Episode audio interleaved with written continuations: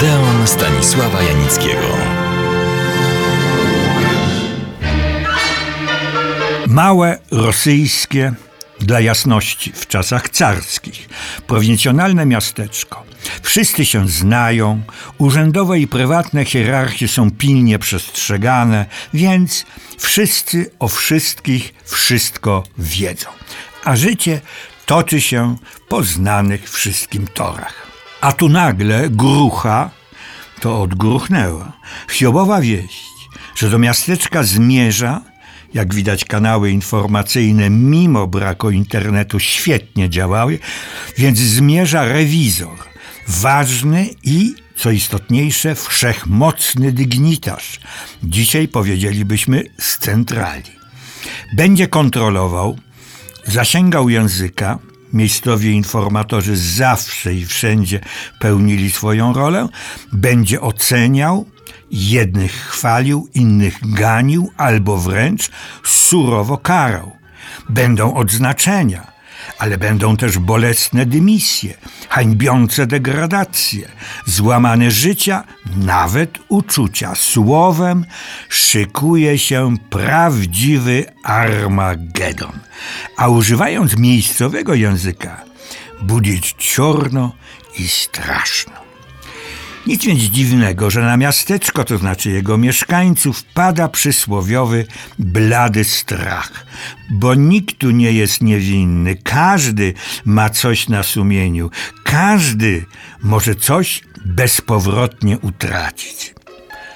Miejscowe władze i szeregowi obywatele, choć przerażeni, przygotowują się do obrony. Wiedzą też, że ta kontrola nie odbędzie się normalnie groźny rewizor nie pojawi się w całym swym blasku, nie będą grały bębny i fanfary. Czujność się opłacała, bo oto w miasteczku zjawia się niejaki Chlestiakow. Ewidentnie jest surowym dygnitarzem, ale rzecz jasna dla niepoznaki wydaje się skromny, nawet nieco zalękniony, zagubiony, wręcz usiłuje przekonać miejscowe władze i mieszkańców, że to jakaś pomyłka. On nie jest żadną władzą kontrolującą, lecz zwykłym człowiekiem, zupełnie przypadkowo w tym miasteczku. Lecz władze i mieszkańcy, ci bardziej nobliwi oczywiście, wiedzą, że to kamuflaż i czynią to, co powinni. Starają się ukryć swoje grzeszki i solidne grzechy. Przekupstwo, prywatę, oszustwa na każdą skalę. W obronie własnej nie stronią od wrednego i kłamliwego donosicielstwa, byle tylko ocalić swoją skórę.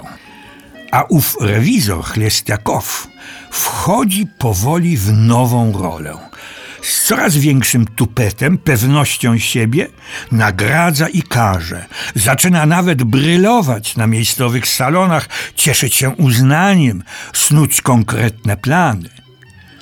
Lecz w pewnym momencie orientuje się, że ta maskarada może się dla niego skończyć fatalnie, więc znika i może wszyscy odetchnęliby z ulgą, gdyby nie to, że, jak to się mówi, z wiarygodnych źródeł dociera wiadomość, że prawdziwy rewizor zbliża się do miasteczka.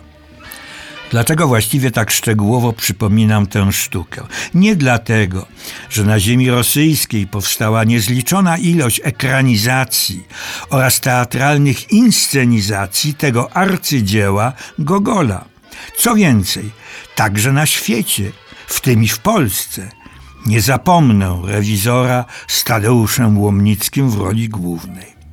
Otóż w 1935 roku zrealizowana została w Polsce i swoją premierę miała komedia oparta w głównych zarysach na gogolowskim rewizorze. Nosiła i nosi oczywiście po dziś dzień tytuł Antek Policmeister. Powiem zaraz, że jest to bardzo zręczna, oryginalna, pomysłowa adaptacja tekstu scenicznego. Wprawdzie akcja toczy się i w tej polskiej wersji w czasach carskich, ale nie gdzieś w Rosji, lecz na ziemiach polskich, będących wówczas pod zaborem rosyjskim. Głównymi bohaterami tej gorzkiej i oskarżycielskiej komedii są urzędujący gubernator, jego żona, córki i zarówno wojskowa, jak i cywilna świta, która jego pozycję utwierdza, popiera, hołubi, rozkazy wykonuje i o należyty posłuch poddanych dba. Jest oczywiście i ów Totum Facki, który przez przypadek za rewizora wzięty zostaje. Najpierw oszołomiony, ale widząc korzyści, jakie dla siebie w końcu chudopachołka z tej pomyłki może mieć, coraz pewniej i bezczelniej wchodzi w rolę. A finał zasadniczo jest ten sam, a jednak w swej wymowie zupełnie inny. I teraz powinienem przedstawić naszego polskiego filmowego rewizora, czyli Antka Policmajstra, ale nie zdążę, bo mój felietonowy czas się kończy. Przekładam więc tę opowieść, jak to się mawia, na za tydzień.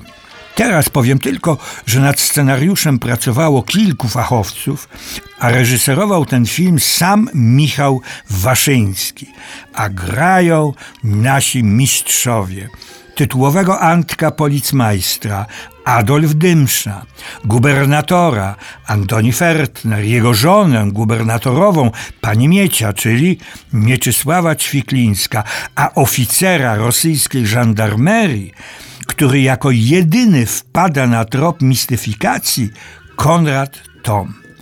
Nie pozostaje mi już nic innego, jak zaprosić Państwa na nasz kolejny Odeon za tydzień.